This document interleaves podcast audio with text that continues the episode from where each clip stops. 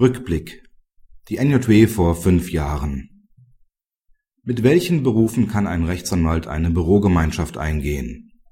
§ 59a Absatz 3 BRAO gibt mit seinem Verweis auf die Absätze 1 und 2 die Antwort. Danach darf eine Bürogemeinschaft nur mit Angehörigen sozietätsfähiger Berufe gegründet werden. Zu dieser Gruppe zählen nicht nur Einzelpersonen, sondern auch Gesellschaften wie etwa eine Steuerberatungsgesellschaft. So hat es der BGH in der NJW von vor fünf Jahren entschieden.